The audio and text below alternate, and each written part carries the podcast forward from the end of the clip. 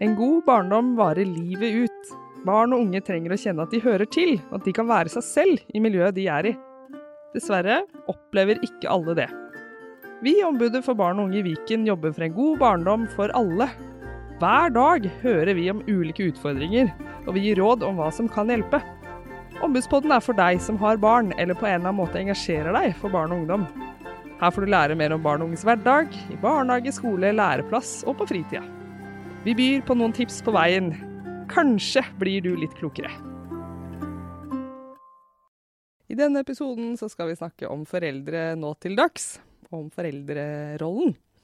Og med oss for å snakke om det, så er jeg så heldig å ha Signe Horn, som er generalsekretær i Voksne for barn. Også min kjære kollega Åge Svarstad, som er da et av ombudene for barn og unge i Viken. Ja, og det er ikke sikkert alle som hører på denne podkasten som kjenner til Voksne for barn fra før. Så jeg vet ikke om du kan begynne, Signe, og fortelle litt om hva dere er og hva dere gjør? Det gjør jeg gjerne, og tusen takk for invitasjonen. Veldig hyggelig å være her. Eh, Voksne for barn er en frivillig medlems- og brukerorganisasjon. og Eh, det betyr jo at vi både har medlemmer, vi er demokratisk eh, bygget opp, eh, og så er en av våre viktigste oppgaver å fremme barn og unges stemmer. Delvis gjennom at vi lytter til dem, og så eh, formidler det i ulike brukerråd og mot departement, direktorat og kommuner. Eh, og så har vi også det som heter Ungt nettverk og et ungdomspanel, som eh, får lov til direkte å være stemmene til unge, og stemmene til unge som noen ganger er i sårbare livssituasjoner. Så det er noe av det vi jobber med. Eh, så er vi også opptatt av at det er de breie universelle ordningene som til syvende og sist er aller viktigst. Og Derfor jobber vi med psykisk helse og livsmestring på mange skoler. Og akkurat nå driver vi opplæring på 300 skoler rundt omkring i hele landet. Så jobber vi med barn som pårørende, og så bare helt til sist, bare lyst til å, å nevne det. Eh, det er en stor gruppe eh, som bor i Norge som vi ofte ikke tenker nok på. Det er foreldre med østeuropeisk bakgrunn som ofte sliter med å skjønne og ha tillit til det norske systemet. Så Derfor så jobber vi spesielt med familier ø, og gir råd og har samtaler med familier fra Øst-Europa, bl.a. Ukraina, nå som er veldig aktuelt.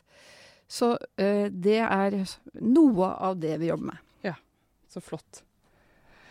Og så har dere skrevet en rapport om foreldrerollen, som dere publiserte i november 2022. Uh, og det var Vi tenkte lenge på er dette noe som er interessant nok? For politikerne er på en måte ikke så opptatt av akkurat den der foreldrerollen i seg selv. Så det er litt sånn politisk tomt rom. Men det er innmari viktig, fordi eh, noen partier sier at det starter i skolen, noen sier at det starter i barnehagen. Men alle barn vokser opp i en eller annen form for en familie. Så vi sier at uh, barns liv og hvordan de skal lykkes senere, det handler om i stor grad i hvert fall om den familien de er heldige, eller kanskje uheldige eh, i forhold til å vokse opp. Eh, så derfor skrev vi den rapporten, fordi vi mener at foreldrene er tross alt de aller viktigste i de aller fleste barns liv. Ikke sant. Ja. Hva fant dere ut i, i rapporten? Vil dere dra noen hovedfunn for oss? Ja, nå tok jeg opp den rapporten før jeg kom hit i dag, og så at eh, det er jo forferdelig mye eh, stoff som vi kunne snakke om. Men det er noen ting som er veldig viktig, og det er at dagens foreldre stort sett eh, er fornøyd med seg selv. Og de, selv om alle mammaene stort sett har gått ut i lønnet arbeid, så bruker foreldre mer tid sammen med barna enn tidligere generasjoner.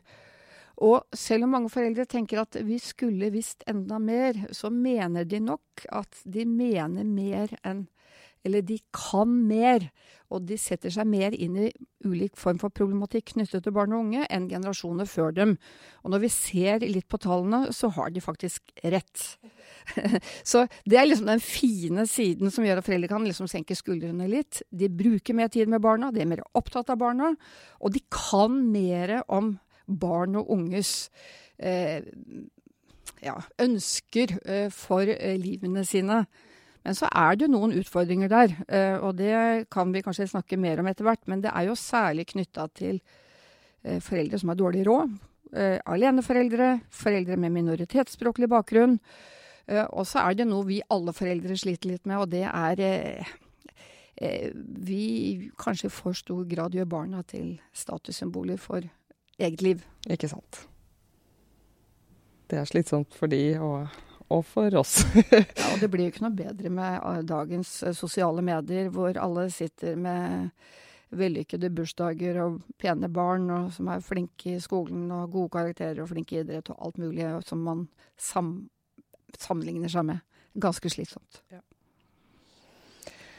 ja, er dette noe som uh, du kjenner igjen uh, fra erfaringene dine, Åge? Du har jo jobba på mange forskjellige måter med foreldre, både enkeltvis og på system, og nå i jobben vår som ombud, så eh, er jo du en av de av oss som er mest ute på foreldremøter, møter mange mammaer og pappaer.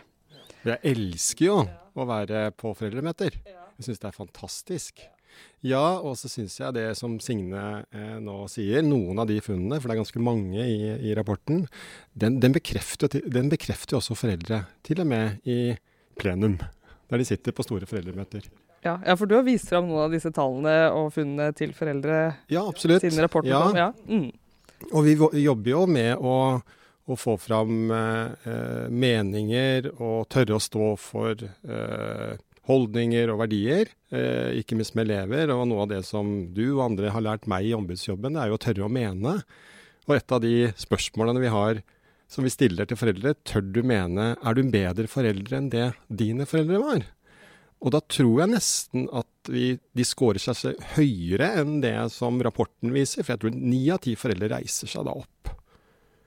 Eh, og så er det jo et stort spørsmål, for eh, vi ser jo at det aldri har vært høyere mobbetall da, i dagens skole. Så de har jo barn som krenker hverandre kanskje mer enn før, til tross for at foreldrene er bedre på eh, å bekrefte følelser, og validitet er et eh, ord som går igjen. ikke sant? Å være interessert i barna sine som de er.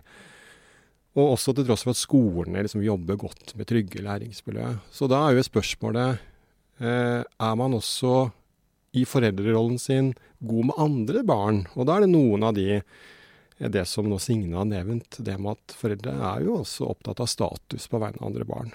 Og det kan hende at det skaper utrygghet, da. Så og vi ser jo det i noen av enkelthenvendelsene, så er det jo dessverre sånn at uh, veldig mange, spesielt aleneforeldre, opplever ikke få, få den hjelpa de skal ha tidsnok. Og det blir kanskje en kasteball i systemet, og så kommer vi kanskje altfor sent inn. Så det ser vi jo også i praksis, da. Hvordan aleneforeldre uh, kan støttes mer, det er jo på en måte en politisk sak, tenker jeg. Samtidig så blir det jo litt lett hvis man kanskje hvis man ikke jobber innenfor politikken, da, tenker at det er litt man kan gjøre med det. Er det noe fra rapporten som dere så fra altså fortellinger fra aleneforeldre om hva de forteller at de trenger? Det ene er selvfølgelig eh, den store samtalen eh, som ikke handler om politikk, men som handler om hvordan vi er med hverandre og mot hverandre. Eh, det handler om så enkelt som å bli enige om eh, hva skal en bursdagspresang koste. Eh, men det tror jeg foreldre blir ganske flinke til. Så tror jeg det er igjen altså dette med sosiale medier. Jeg tenker jeg er godt voksen, og likevel så kan jeg føle at hvis jeg er hjemme en helg, og så ser jeg at alle andre gjør noe som er kjempegøy og litt stilig og sosialt, så kan jeg føle på at liksom, Og her sitter jeg, og så tenker jeg når jeg gjør det, eh, som voksen, og som egentlig har masse ting jeg kan være med på, eh, så er det utrolig tøft hvis du er alene. Og det handler både om tid og overskudd, og så handler det om dårlig råd. Eh, og jeg mener at eh, generelt så er dette med eh, at så mange barn vokser opp i vedvarende lavinntekt, og det rammer veldig stor grad aleneforeldre, og særlig alenemødre, det er en politisk sak. Det, det er virkelig en politisk sak. Eh, og det handler om mange ting. Det handler om levekårsutsatte områder, det handler om barnetrygd, det handler om gratis SFO, uh, det handler om prisen på en barnehage. Så, så det er politikk. I, I, høyeste grad. Og hvis vi vil, så kan vi gjøre ganske mye med det. Enig. Kan jo håpe at det er noen politikere i ulike posisjoner som hører dette. Men ja, hva ville du si, Åge? Nei, i forhold til skjermbruk, som også rapporten sier noe om, at foreldre bekrefter jo at de har ikke helt kontroll. da. Eh, de har kontroll på veldig mange arenaer. De har, de har, stor kontroll på hva barna gjør eh, i, på fritida, og, og, og, de er veldig opptatt av hva barna gjør. ikke sant? Og det kan jo være eh, litt for overbeskyttende òg på noen måter. ikke sant? Men når det gjelder skjermbruk, så svarer jo foreldre det, sier, det kommer frem både i rapporten, men også når vi spør foreldre har dere kontroll på barns eh, skjermbruk. Og det har de ikke. Eh, og, og, det er jo eh, Man kan si at det er skremmende, men det er iallfall en realitet. da. Når, når, foreldre svarer det på foreldremøter, og så blir det en diskusjon om dette her, ikke sant, med aldersgrense på Snapchat som er 13 år. og og da utfordrer vi både foreldrene. Er det, Syns dere det er god praksis at barna deres uh, har Snapchat når de er ti år? For der har de et dilemma. Og de samme svarene kommer igjen og igjen. De syns jo ikke det, men fordi at andre barn har det, ikke sant. Det er det som er argumentet. Da er det et par paradokser. Eh, disse foreldrene har jo ikke noe særlig kontroll med sin egen skjermbruk eh, når de sitter sammen med barna sine. Så, så tror jeg vi alle har et snev av ja, vi, vi, burde skamme oss lite grann. Vi legger jo ikke telefonen fra oss ett sekund, og det smitter over på barna våre. Og så er det Jeg leste en rapport som sa at eh, det foreldrene gjør, de kontrollerer hvor mye skjermbruk folk har, for det kan de liksom kontrollere. Men de er kanskje for lite opptatt av når de er der inne, hva gjør de da? Uh, og det uh, tror jeg foreldrene faktisk må ta litt tak i. Uh, og gå inn og se. Hva er det de driver med der inne? For det er mobbing, utestengelse, og så er det liksom forskjellig fra jenter og gutter som man også må være oppmerksom på, da. Uh, og jenter er på sosiale medier og legger ut bilder, og gutta, grovt sett, da, de spiller. Uh, men i begge liksom, disse foraene så skjer det mobbing, og det uh, Foreldrene må bry seg om, ikke hvor, bare hvor mye, men hva er det som skjer? Mm, absolutt, og der kan vi jo nevne at Medietilsynet fikk jo utarbeida en rapport nå som Retriever gjorde, som kom med noe ganske eh, ikke nødvendigvis overraskende, men viktige funn knytta til eh, hva slags innhold som påvirkere og influensere faktisk legger ut. Eh, og også dette at det er noen kjønnsforskjeller der med, med hva jenter og gutter blir eksponert for, da. men tenker ikke dere at noen av disse funnene og det som vi litt snakker om nå, at foreldre er med gode grunner, kan man si, kjempealvorlig bekymra eh, for barna sine. At akkurat det er kanskje ikke noe nytt. Har det ikke alltid vært litt sånn til alle tider at foreldregenerasjonen At man føler at man ikke har kontroll? Men jeg tror at vi i vår generasjon bekymrer seg fryktelig mye mer. Jeg dro på interrail da jeg var 16 og var borte i fire uker, og jeg sendte et postkort som kom frem tre uker etter at jeg kom hjem. Eh, Foreldrene mine tenkte at det var helt greit. Jeg ringer barna mine hver dag, og de er høyt oppe i 20-årene. Uh, og de irriterer seg litt over det, det har de god grunn til for øvrig. Men vi, vi, vi, er jo mye mer på. Og så er det det at det er veldig stor forskjell, da. Det er jo 90% er veldig på, og kanskje for mye på, og bekymrer seg for mye. Og så er det den 10% som har en veldig dårlig dialog med foreldrene sine. Og som får lite backing hjemmefra, sånn at forskjellene blir så store. Og så blir de så synlige. Mm. Mens før var jo Altså, vi surra rundt, altså. I mye større grad. Ja, ja surra rundt, ja. og på en måte Ja, man hadde ikke kanskje så organiserte hverdager heller. Vi også hører jo om det, at det er mange som opplever at hverdagen er veldig eh, ja, pakka, da. Med, med, ikke bare skole, men fritidsaktiviteter. Og hvis man i tillegg skal være så innmari vellykka på alle de arenaene, så blir det jo lett å mislykkes, da. Ja, og da kommer det der, den tidsklemma inn, og, og det kanskje den det som kanskje barn føler som, som foreldre ikke oppgir, det er litt det derre at man krever mye av barn i dag. Eh, det som nok en gang referanse til rapporten, da, som sier, sier jo at det, det, det viktigste foreldre er jo i nærhet og trygghet og kjærlighet. Eh, det med skole kommer ned på punkt nummer fire eller et eller annet sånt. ikke sant? Så, så, det er jo velmenende. Men jeg tror nok barn kan nok oppleve at foreldre har store ambisjoner på barns, eh, på barns vegne. Det kommer fram i en eller annen form. For vi krever mye av barna våre. Og barn er, er, Men det er også et skille der, da. På, på, aktive, kanskje veldig aktive barn, og de som ikke har type aktiviteter som kan være ja, Det kan jo bunne i økonomi, f.eks. Og eh, oppfølgingskapasitet, hvis man kan kalle det det, fra foreldrenes side. Da. Ja, for vi har jo laget noen sånn utenforskapsrapporter. Eh, en som også er knytta til det å ha dårlig råd. Eh, og den viser jo at de som har dårlig råd, de er, ikke, er utenfor eh, av andre grunner. De, de er jo utenfor Eh, på skolen. Eh, friminuttene har ikke så mange å være sammen med, og de er ikke med på fritidsaktiviteter.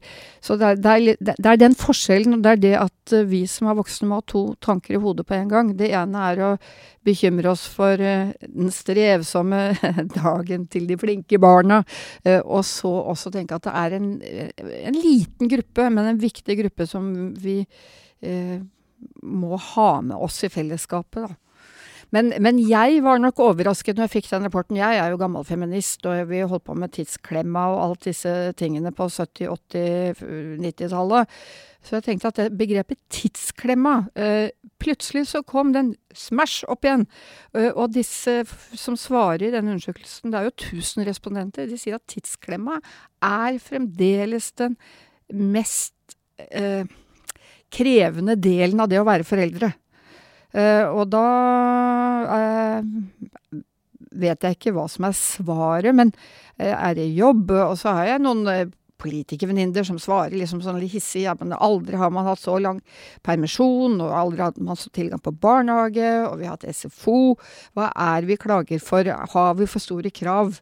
Men kanskje ombudet i Viken har et bedre svar på det enn meg? Ja, Nei, det vet jeg ikke. Men jeg, tenker jo at foreldreengasjement er jo bra. Eh, og, og, og, og, tidsklemma, sånn som jeg leser den i rapporten, og sånn som foreldre svarer oss da i, i, i, i møte, møte med oss både, både, på store foreldremøter og så enkeltsaker, er jo at det, det er kanskje opplevelsen av, av, av, tid som er liten. Og tid er jo, alt, det er jo kanskje relativt, da. Eh, jeg tror nok foreldre bruker mer tid med barna sine nå. Man bruker mer tid, men likevel så opplever man eh, tidsklemma. Så det er kanskje ambisjonene. Man har kanskje veldig store ambisjoner i forhold til å gjøre ting med barn, og at barna skal være i mye aktivitet. Og kanskje må man tørre å snakke om at dette er kanskje knytta til status for barn. Det og at, eh, ja. Og jeg tror man kunne gjort noen studier på en på en, eh, en fotballtrening for, for, seksåringer. De starter jo tidlig nå, ikke sant. Eh, jeg, jeg, velger å tro at der sitter foreldre og ser på trening. De, de, leverer ikke barna og reiser igjen, som kanskje Ja, nå begynner jeg å bli en gammel mann, da, best, nylig bestefar, men jeg, jeg, jeg, tror ikke Mine foreldre var jo aldri på en fotballtrening. Men det er jo Men tidene forandrer seg, og det kan jo være fint og det, som en trygghet. Men har man noe der å gjøre? Eh, kanskje ikke. Jeg husker noen år, jeg har jo tre jenter som danset ballett. Eh, jeg tror jeg var på 25 forestillinger før jul fordi at alle hadde sine klasser. Etterpå, dette er jo galskap, altså. Det, det, var de samme greiene som vi gikk gjennom. Eh, så vi, vi sliter oss jo litt ut uh, på helt egne bein. Og at vi selv har et ansvar for å senke det ambisjonsnivået lite grann. Det er søren meg ikke lett, altså. Nei, det er ikke det. Og samtidig så tenker jeg jo, eh, som dere var litt inne på i stad, med sosiale medier og, gaming og sånn, at vi også gir jo råd til foreldre om å engasjere seg og være mer opptatt av hva som skjer der inne. At det viser jo helt åpenbart um, Det er et stort behov for at voksne er litt mer tett på uh, der, og setter noen forventninger om uh, OK oppførsel osv. For min del, da jeg vokste opp, så Min mamma, da, hun hadde ikke peiling på fotball i det hele tatt. Har nok ikke det fortsatt heller. Hei, mamma. Eh, men hun var jo med på kamper og viste et engasjement som jeg satte veldig stor pris på at hun var der. da. Og jeg eh, tar den parallellen når jeg møter foreldre, at jeg tenker at vi trenger foreldre som ikke skjønner bæret av gaming, som viser interesse eh, og viser at dette er en arena som jeg anerkjenner, da. Men kanskje det er litt der med med rollen man gjør det, altså fra hvilken posisjon og forventningene til seg selv i det, da. Kanskje? Ja, jeg følger deg på den, Hilde. Og jeg skal ikke, jeg skal ikke si at ikke foreldre skal møte opp på trening. Altså, gjør, gjør gjerne det der det er naturlig. Og, og vær en heiagjeng for barna dine og, og, og vennene. Vær en heiagjeng rundt det. Det syns jeg er fint. Og det ser vi jo også, jeg som har vært fotballtrener i 13 år. ikke sant? Og, og, og der det er mobilisert i foreldregruppa, og man er litt sånn enig i forhold til holdning og verdier, hva er det aller, aller viktigste? Jo, det er jo at barna er snille og greie eh, med hverandre. og og oppfører seg fint i fellesskapet. Eh, og da er det jo, er det jo liksom, Jeg tror barn også klarer å speile seg gjennom voksne. Altså hvordan, hvordan, voksne er i fellesskap. Og der tror jeg vi har et sånt potensial. At voksne må vise mye mer tydelig i fellesskap at de bryr seg om ikke bare eget barn. Og de har en særdeles ansvar, eh, mener vi i ombudet, da, mot de sårbare barna. Og, og kanskje også, hvis, hvis, vi trekker det enda lenger, de sårbare foreldrene. Som ikke har så lett å møte opp på foreldremøte, og som liksom, øh, kanskje har dårlig erfaring selv. Og det må vi tørre å snakke om. Og der, og der er jo foreldrene, når man stiller de spørsmålene, eller kanskje kravene til foreldre, så er de på, altså. Foreldre vil gjerne. Men foreldre må ha litt oppskrifter. De må ha litt drahjelp. Men det er de stort sett foreldrene villige til. Og så er alt ferskvare, selvfølgelig. Det er mulig at jeg liksom skjærer litt utenfor temaet nå, men uh, jeg hører uh, yngre uh, foreldre enn meg som fremdeles har barn på skole.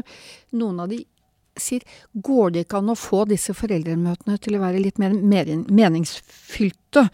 Og jeg tenker at det du sier, at skole-foreldre-samarbeid er kjempeviktig, men det har noe med den kvaliteten å bidra til at de foreldremøtene er forståelige og relevante for foreldre. Og det opplever jeg at jeg hører at det ikke alltid skjer.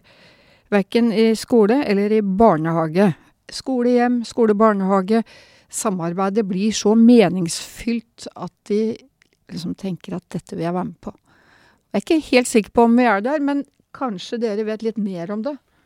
Ja, eh, men Hilde, vi, vi er jo mye ute eh, på foreldremøter. Og de, kanskje de, de, beste inngangene til foreldremøter, det er jo foreldreinitierte foreldremøter. Gjerne gjennom FAU. Eh, og der man kan ha en dialog i forkant. Hva er det dere ønsker? Og de ønsker jo engasjement. Ikke bare ved at det er nok påmeldte, at liksom de fleste foreldrene stiller, men de ønsker altså, ønsker ny kunnskap. Og da tror jeg kanskje at veien til kunnskap er å ha rom for dialog. Og noe av det vi gjør, er jo å ha type dialogmøter med foreldre. Eh, der vi kan være en støttespiller og ha en innledning. Og så er det foreldrestyrt eh, samtaler. Eh, ulike samtaler. Og, og, også om utfordringer med å være forelder. Og det positive med å være forelder. Og gjennom det så blir det liksom litt sånn forpliktende å følge opp hos foreldrene. Når det liksom det kommer, det, det kommer fra dem selv. Uh, ja, så det har vi jo gode erfaringer med. Det har vi absolutt, og vi skal lage en episode som handler om foreldremøte. For vi mener jo også det er en utrolig viktig og en gyllen mulighet til å bruke den arenaen eh, når man først skal ha disse møtene. Eh, både barnehage og skole da skal vi følge med, for det er flere på jobben hos meg som tar opp dette. At de skulle ønske at de som hadde en oppskrift for foreldremøtene. Og de jobber i Voksne for barn, altså. Så, så det, dette er virkelig noe som etterspørres. Ja, ikke sant. Ja, det er det. Og så kan vi jo reklamere litt for våre venner også i, i FUB og FUG, som har gode, gode ressurser knytta til foreldremøte på sine nettsider, som nå heter foreldreutvalgene.no. Så absolutt veldig gode, konkrete tips. Absolutt. Og det er jo, eh, Redd Barna også har jo gått eh, opplegg som heter rolle, rollemodeller mot mobbing, som retter seg mot uh, foreldre. Um, og det har jeg tenkt litt på, om vi kan snakke litt om det nå, at uh, hvordan foreldre i dag kanskje har litt vanskeligheter for å vise seg sårbare, da, uh, overfor hverandre også. Eh, at man kanskje i litt for stor grad er opptatt av å fremstå som veldig vellykka selv som forelder. Som jeg har tenkt at kanskje gjør det vanskeligere også å være disse rollemodellene mot mobbing, f.eks. For fordi at um, man blir en litt sånn kunstig versjon av et menneske som At vi kanskje trenger foreldre som er litt ærlige på at man må prøve og feile her i livet. At ingen av oss uh, som får til dette 100 hele tida. Nei. Nei. Dette har jeg lyst til å svare på, Hilde. For det er jo eh, eh For jeg tror noe av, det, noe av det grunnen til at dette her er så viktig, å, mobilisere foreldre når det er både konflikter og, det, det, og, alvorlige krenkelser blant barn, det er å bevisstgjøre eh, foreldre på Er dere klar over hvilken rolle barnet deres har i fellesskapet? Og svaret på det er jo stort sett nei. De har ikke oversikt over hvilken rolle barnet eh, har i klassen på trinnet på skolen. Og det, og det, sier de jo. Men da må de få noe verktøy. ikke sant? Hva slags ulike roller kan man ha? Eh, og noen har eh, et sterk posisjon. Uh, og det kan kanskje være lett for det barn for, som får bekrefta gjennom voksne og andre barn at, som har en eller annen popularitet. Og så har du kanskje den store majoriteten med de som, eh, som, har det trygt og godt på skolen, men som kan oppleve eh, utrygghet eh, av og til, eh, men som klarer seg fint. Og så har du dessverre nå 10 av elever på syvende trinn, som Elevundersøkelsen viser, som oppgir at de blir jevnlig mobba og krenka på skolen, og ikke minst på fritida. Ikke minst gjennom sosiale medier. Og det er litt skambelagt å være den forelderen, men jeg tror det er viktig å, snakke om. Eh, er du klar over hvilken rolle barnet ditt har? Og der eh, Man kan jo gjerne være streng med foreldrene, og, men de må jo få hjelp fra skolen. Skolen må jo få gi dem informasjon, og der syns jo jeg, da, hvis jeg kan være litt sånn tydelig og kan gjerne arrestere meg i etterkant, de som hører på, men jeg mener at der er skolen eh, for dårlig. De gir informasjon om hvordan barnet gjør det faglig på skolen, og, og så underrapporterer de kanskje den rollen barnet har. Særlig når de har en utrygg rolle kanskje i fellesskapet. Nei, det med utenforskap og mobbing, det er utrolig skambelagt. Og så tror jeg det er skambelagt Det er skambelagt både for den som blir mobba, og den som mobber. Eh, man vil jo helst ikke ha et barn som eh, eh, er en mobber, men mange av de barna som blir mobba, de har ikke lyst til å fortelle foreldrene det, fordi de syns det er kjempeflaut. Og det er jo igjen tilbake til status, da. Du skal ha mange venner, du skal være populær, du skal være flink på skolen, du skal være flink i idrett, og så skal du se ut som en million dollar. og det Hvis du ikke lykkes, så tror jeg man er så innmari redd for å skuffe foreldrene foreldre må få, få, informasjon om barnet sitt. Og det gjør de kanskje ikke i stor nok grad. Eh, og så er det når, de, når, sakene kommer til oss i ombudet, da, så har det kanskje gått så langt at da er, jo, da er jo foreldrene klar over at sitt barn blir krenka jevnlig, og ikke har noe sterk posisjon i fellesskapet. Eh, og da er man, det er da man er avhengig av bygd eh, dette gode foreldrenettverket. Sånn at ikke det blir skambelagt, ikke sant. Og da er det åpenhet rundt det. Og da er det som en pappa sa så fint på et foreldremøte i forrige uke. Det viktigste for meg er jo at datteren min er snill, ikke hvordan hun gjør det på skolen. Har du noen eh, råd til mammaer og pappaer og andre foreldre der ute, Åge, som du har lyst til å si nå? hva er det du pleier å gi, gi råd til de vi møter? Et av liksom rådene er at de, de, de må jo forstå liksom barnet sitt. De må ha kunnskap om barnet sitt. Eh, eh, og de må, bry, de må, ha kunnskap om eh, flokken rundt barnet. Eh, og et råd de må støtte opp under skolens eh, arbeid i forhold til å skape trygt og godt skolemiljø. Ikke være en, noen som jobber mot skolen, som vi ser i noen tilfeller. Og absolutt noen ganger berettiga der skolen svikter med systemene sine. De må vise interesse.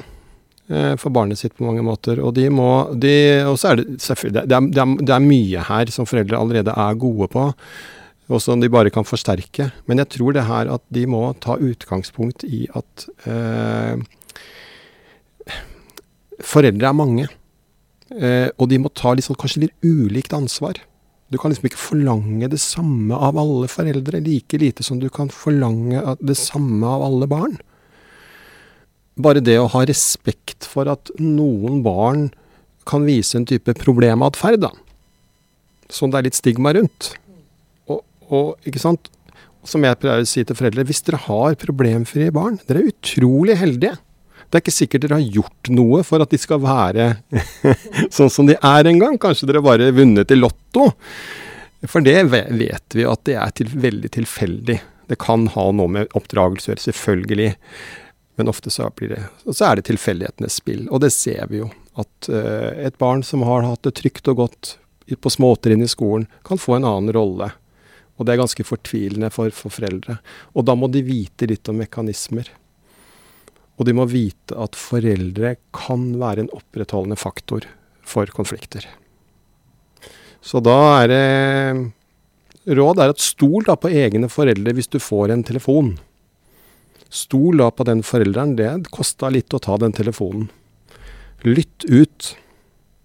Bli litt enig. Konfronter barnet ditt på en trygg måte. Det er, tenker jeg en viktig del av foreldrerollen. For eksempel. Mange gode eksempler. Tusen takk. Har du lyst til å legge til noe, Signe?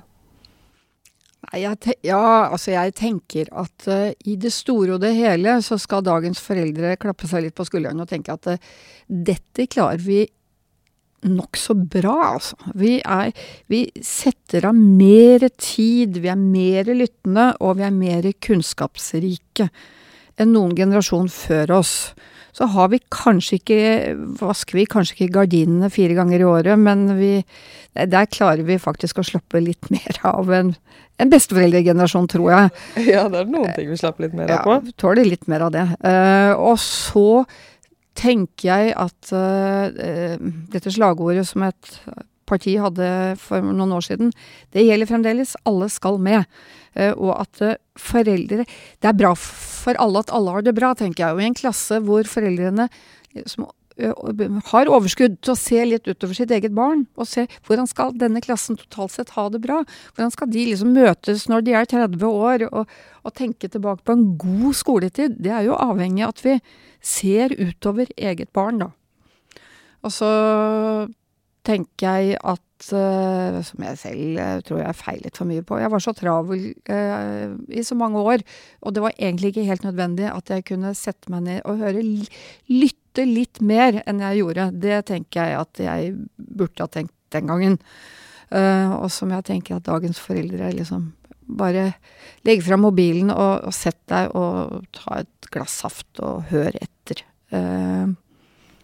og ikke legge det ut på Instagram. Og så ikke legg det ut på Instagram. Og så uh, ikke vær på Facebook og Insta og Snapchat og sånn hele tiden, og mål deg mot andre foreldre. Det er kanskje det aller viktigste. Det er ingen målestokk, at når de legger fra seg den telefonen og den Instagrammen, så ser det ikke helt perfekt ut der heller. Det, det vet jeg at det gjør ikke. Så bare slapp litt mer av, og ta litt ansvar for uh, fellesskapet, så går det ganske bra. Kan jeg bare kommentere, Signe, det du sier, å være litt sånn til stede. Eh, å være også til stede på foreldremøter, for det kan man jo bruke når man vet det. det jo, nå kom det noe sånn forskning på hvor eh, gjennomsnittet Hvor lenge klarer vi å holde fokus? Eh, og, og, noen påstår jo det at det er i 47 sekunder eller 48 sekunder før vi liksom tyr til må ha en eller annen eh, distraksjon ikke sant, og tyr til telefonen. Dette kan man jo aktivt bruke på foreldremøter, og så starte klokka og så si at jeg mister den første av dere nå om en liten stund, og da går det en alarm. Eh, for det har vi jo opplevd på foreldremøter, og, det, og, og, og, da er de litt til stede. ikke sant? Men det blir jo veldig overraska når det er under et minutt. Men når vi ikke gjør det, så merker vi jo det at også på foreldremøter at noen foreldre ikke er til stede. Og da tenker man seg hvordan er det også hjemme, ikke sant. Huff, jeg kjenner meg litt igjen, altså. jeg tror vi alle kjenner oss litt igjen, og da må vi påminne oss hvor riktig det er å være til stede. Ikke bare når man diskuterer viktige temaer, men til stede i barns liv. Det er en viktig del av foreldrerollen.